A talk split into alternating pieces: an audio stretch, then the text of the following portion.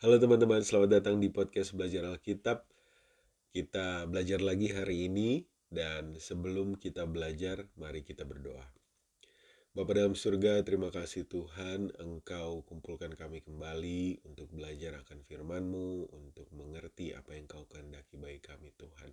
Kiranya dalam kami belajar, Engkau kuatkan hati kami untuk mengerti, biarlah roh kudus memberikan kami pengertian. Ampuni dosa dan kesalahan kami Tuhan, agar kami layak mendengarkan firman-Mu. Dalam nama Tuhan Yesus Kristus kami berdoa. Amin. Oke teman-teman, hari ini kita mau belajar sama-sama lagi dan di episode sebelumnya kita tahu ada janji utama, yaitu kita akan mendapatkan hidup kekal dalam Tuhan Yesus waktu kedatangannya yang kedua kali nanti. Kalau kita mau bertobat sekarang, mau hidup setia sekarang, mau menurut firman Tuhan. Nah, ayo kita terus ingat sama janji Tuhan Yesus udah mau datang kembali. Karena memang ciri-cirinya udah jelas banget gitu. Dan kita perlu pegang kuat-kuat janji utama dari Tuhan Yesus untuk menyelamatkan kita, memberikan kita hidup yang kekal. Nah, selagi kita masih tunggu Tuhan Yesus datang, kita nih perlu hidup benar, perlu terus hidup dengan setia. Tapi kita juga udah baca nih bahwa kita itu sebagai umat-umat Tuhan bakalan banyak tantangan dan kita perlu untuk setia. Nah, gimana caranya? Kita perlu untuk berdoa dan mohon sama Tuhan kekuatan dan juga mohon sama Tuhan penuhi segala kebutuhan kita. Kenapa doa itu adalah hal yang penting untuk bisa bikin kita kuat? Coba kita baca Roma 11 ayat 36. Sebab segala sesuatu adalah dari Dia dan oleh Dia dan kepada Dia bagi dialah kemuliaan sampai selama-lamanya.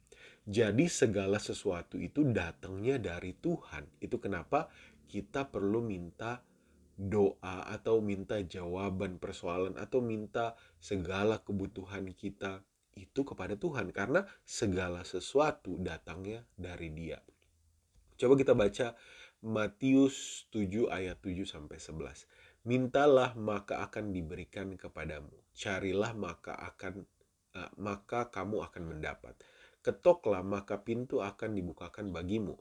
Karena setiap orang yang meminta menerima dan setiap orang yang mencari mendapat dan setiap orang yang mengetok baginya pintu dibukakan. Adakah seorang daripadamu yang memberi batu kepada anaknya jika ia meminta roti, atau memberi ular jika ia meminta ikan? Jadi, jika kamu yang jahat tahu memberikan pemberian yang baik kepada anak-anakmu, apalagi Bapamu yang di sorga, ia akan memberikan yang baik kepada mereka yang meminta kepadanya. Mintalah, carilah, ketuklah, Tuhan akan sediakan sesuai dengan kebutuhan kita. Berdoalah kepada Tuhan Yesus. Jadi, kita perlu terus berdoa supaya kita ini bisa kuat di dalam Tuhan. Kita perlu terus uh, sama-sama gitu sama Tuhan setia. Oke, kita baca lagi Matius 6 ayat 7. Lagi pula dalam doamu itu janganlah kamu bertele-tele seperti kebiasaan orang yang tidak mengenal Allah. Mereka menyangka bahwa karena banyaknya kata-kata doanya akan dikabulkan. Nah, ini satu hal yang penting berdoalah dengan jujur apa adanya dan Tuhan Yesus akan dengerin doa kita, akan beri jawaban yang terbaik sesuai dengan kehendaknya. Karena kadang kita tanpa sadar berdoa masih ada maksud-maksud tersembunyi gitu, masih ada hati yang jahat gitu. Nah, sebelum kita mikirin hal-hal itu, kita coba pikirin ayat tadi, berdoa jangan bertele-tele, berdoa dengan jujur dan ngaku dosa kita lalu kita mohonkan permohonan doa kita. Jadi itu penting banget buat kehidupan kita yang mau hidup benar. 1 Yohanes 5 ayat 14 Dan inilah keberanian percaya kita kepadanya Yaitu bahwa ia mengabulkan doa kita Jikalau kita meminta sesuatu kepadanya menurut kehendaknya Jadi apa saja yang Tuhan akan berikan bagi doa-doa kita itu adalah yang sesuai dengan kehendaknya dan itu udah pasti yang terbaik karena kehendak Tuhan itu lebih baik daripada rencana-rencana kita gitu karena Tuhan tahu segalanya dan tadi di Roma itu dibilang bahwa semua berasal dari Tuhan. Jadi Tuhan tahu yang terbaik buat kita, dia akan jawab dengan jawaban-jawaban yang terbaik. Tapi kalau kita berdoa nih, teman-teman, sebenarnya Tuhan tuh akan kasih jawaban-jawaban kayak apa sih? Katanya kan sesuai kehendaknya. Kehendaknya tuh apa aja sih? Coba kita baca 2 Tesalonika 3 ayat 3 dan supaya kami terlepas dari para pengacau dan orang-orang jahat, sebab bukan semua orang beroleh iman, tetapi Tuhan adalah setia. Ia akan menguatkan hatimu dan memelihara kami terhadap yang jahat. Tuhan Yesus akan beri jawaban doa untuk melindungi kita dari yang jahat, jagain kita. Tuhan gak akan biarin kita terpengaruh sama kejahatan. Jaga kita untuk tetap tabah, sabar, dan setia. Terus juga dia akan jaga untuk kita nggak terjerumus dalam lubang dosa yaitu kejahatan tadi dan menang bersama Tuhan Yesus. Coba kita baca lagi 2 Tesalonika 2 ayat 16 dan 17. Dan ia Tuhan kita Yesus Kristus dan Allah Bapa kita yang dalam kasihnya telah mengasihi kita yang telah menganugerahkan penghiburan abadi dan pengharapan baik kepada kita kiranya menghibur dan menguatkan hatimu dalam pekerjaan dan perkataan yang baik. Dia Tuhan mengasihi kita, menjawab doa kita dengan penghiburan, memberi kita hiburan dalam hati supaya ada damai dan sukacita, menguatkan hati kita dengan pengharapan keselamatan saat ia datang kembali. Jadi inilah yang bikin kita senang gitu. Inilah yang bikin kita terhibur bahwa one day kita udah nggak perlu susah-susah, nggak perlu sedih-sedih, nggak perlu kecewa lagi karena kita udah sama Tuhan dan hidup selamanya dalam damai dan sukacita. Kita baca lagi Amsal 28 ayat 10. Siapa menyesatkan orang jujur ke jalan yang jahat akan jatuh dalam lubangnya sendiri, tetapi orang-orang tak bercela akan mewarisi kebahagiaan. Kita berdoa kita akan dapat kebahagiaan bagi kita yang setia dan menurut firman-Nya. Jadi kita perlu untuk tetap berdoa. Karena ada orang gue pernah ngerasain ya hidup tuh pengennya bahagia tapi kok bahagia tuh kedengarannya simple tapi kok susah dapetnya. Tapi di dalam Tuhan ada rasa bahagia ada rasa puas rasa tenang dan selalu punya harapan yang baik. Ada masalah ini tenang aja. Doain pasti selesai dan pasti akan baik-baik aja pasti akan bahagia. Itulah yang enak dalam hidup bersama Tuhan. Coba kita baca lagi Amsal 28 ayat 5 Orang yang jahat tidak mengerti keadilan, tetapi orang yang mencari Tuhan mengerti segala sesuatu. Orang yang mencari Tuhan, orang yang berdoa, itu diberikan hikmat, diberikan kepintaran, mengerti segala sesuatu, diberikan pengertian, rasa peduli, mengerti segala sesuatu karena Roh Kudus pimpin kita dalam setiap langkah dan keputusan kita. Jadi itulah orang-orang yang berdoa, mencari Tuhan itu bisa punya pengertian. Terus kita baca lagi Amsal 28 ayat 25 eh, Orang yang loba menimbulkan pertengkaran, tetapi siapa yang percaya kepada Tuhan diberi kelimpahan. Orang yang loba ini gue cari artinya itu artinya tamak, rakus, menginginkan semua. Nah, kalau kita nggak jadi orang yang tamak, rakus, dan menginginkan semua, kita kita yang penting cukup aja berdoa sama Tuhan, kita tuh akan diberi kelimpahan, berkat jasmani, berkat rohani, berkat kecukupan, kelimpahan, berkat tenaga, kelimpahan waktu untuk membantu orang dan terlibat dalam pelayanan bagi kita yang setia berdoa dan percaya sama dia. Kita akan diberikan kelimpahan. 1 Tesalonika e, eh, 3 ayat 12 bunyinya dan kiranya Tuhan menjadikan kamu bertambah-tambah dan berkelimpahan dalam kasih seorang terhadap yang lain dan terhadap semua orang sama seperti kami mengasihi kamu. Tuhan akan berikan kita kelimpahan, tapi dalam kasih juga. Ini bukan masalah kelimpahan dalam uang ya. Gua nggak pernah lihat sih di dalam ayat Alkitab ada kelimpahan terhadap uang. Mungkin kalau raja-raja ya mereka karena raja jadi kaya gitu. Tapi dalam Tuhan itu yang dikasih adalah kecukupan. Tapi kelimpahan-kelimpahan yang dikasih yang kayak gini nih. Kelimpahan dalam kasih, kelimpahan dalam kesehatan, kelimpahan waktu, kelimpahan untuk uh, bisa peduli peka terhadap perasaan orang, kasih menyayangi dengan sepenuh hati gitu dan uh, melindungi dan mengasihi. Itulah yang dikasih sama Tuhan dalam kelimpahan. Nah, Tuhan Yesus tuh jawab doa-doa kita, pengharapan-pengharapan kita sesuai dengan kehendaknya.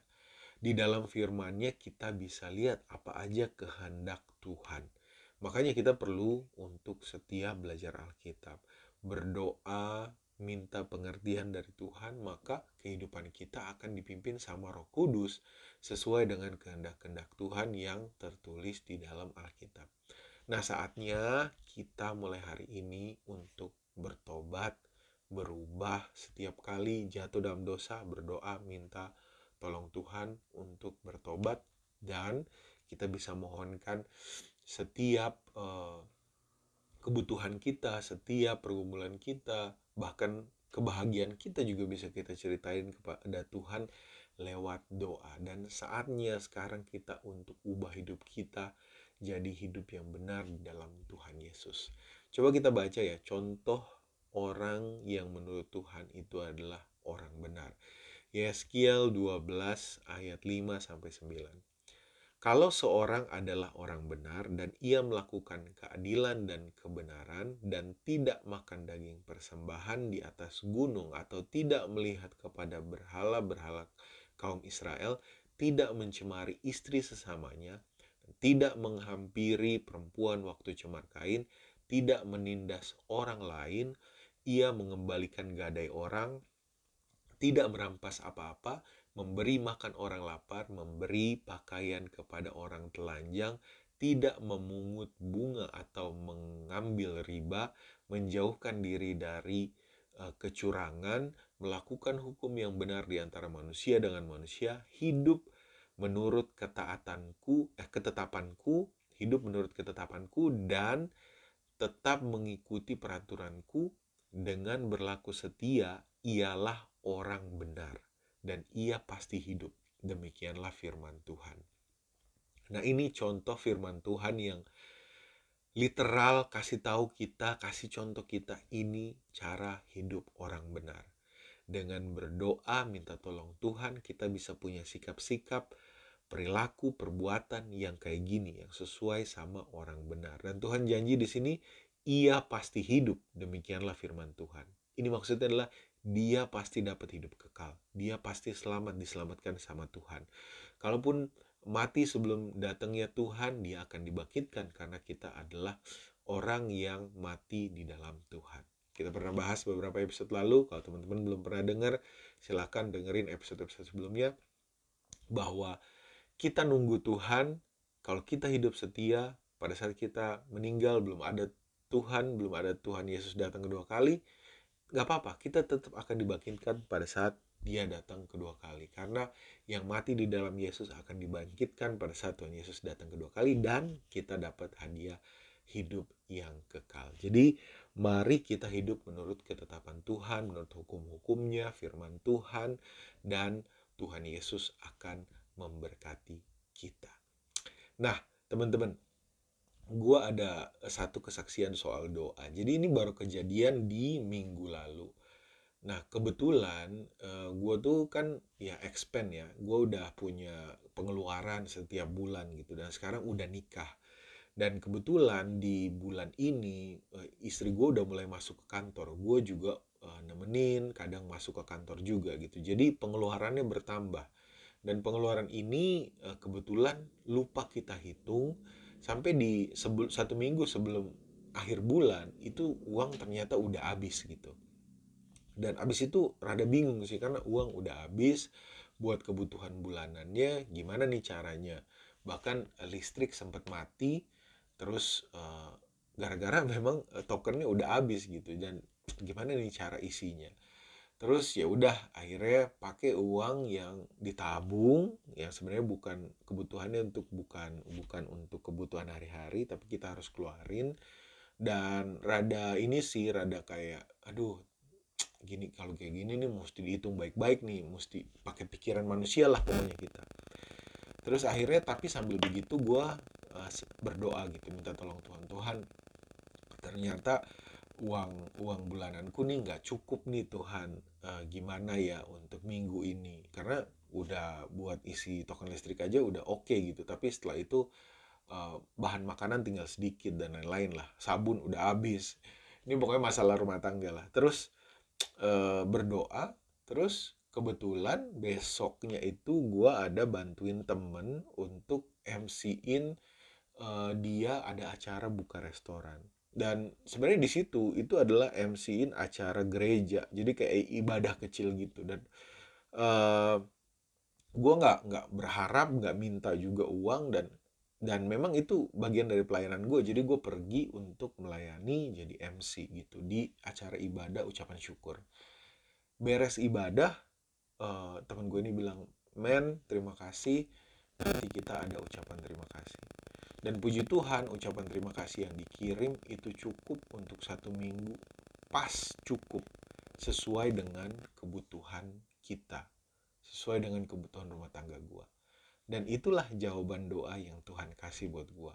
Puji Tuhannya sesuai dengan firman Tuhan. Aku akan menjawab doa sesuai dengan kehendakku. Sesuai dengan kehendak Tuhan dikasih cukup, pas, dan sampai akhirnya udah punya gajian lagi udah bisa diatur lagi uangnya dengan baik dan ya itu adalah berkat. Dan gue bersyukur banget. Gue gue nggak ngeluh karena ya kok cuma segini sih ngepas gitu. Ya emang itu jawaban Tuhan dan itulah berkat yang Tuhan kasih. Pada saat kita perlunya segitu Tuhan kasih segitu. Kenapa Tuhan nggak kasih lebih-lebih? Karena ya kita nggak butuh lebih. Dan kalau lebih-lebih nanti kita jadi punya habit yang buruk punya bisa spend untuk hal-hal yang enggak-enggak sebenarnya. Jadi puji Tuhan, Tuhan jawab doa. Teman-teman punya pergumulan, punya beban, apa pun silahkan diceritain sama Tuhan. Uh, masuk kamar, tutup pintu, berdoa sama Tuhan. Minta minta tolong Tuhan, cerita apa adanya. Jangan bertele-tele, jujur aja, ngobrol kayak temen, ngobrol kayak sama orang tua, cerita jujur apa adanya. Kiranya Tuhan memberkati teman-teman dan kita semua terus setia di dalam Tuhan. Yuk, mari kita berdoa. Bapak dalam surga, terima kasih Tuhan atas sukacita bagi kami, damai yang kau berikan bagi kami saat kami mendengarkan firman-Mu. Engkau akan jawab doa-doa kami sesuai dengan kehendak-Mu. Kami yakin bahwa kami bisa kuat, hidup setia, sesuai dengan firman Tuhan, dan kiranya Engkau selamatkan kami pada saat Engkau datang, Tuhan. Bapa, Terus ubahkan kami, bentuk kami jadi orang-orang yang karakternya sesuai dengan Engkau Tuhan Yesus. Terima kasih Tuhan, jagalah kami dan keluarga, sertai kami dalam kehidupan kami di atas dunia ini. Dalam nama Tuhan Yesus Kristus kami berdoa dan mengucap syukur. Amin.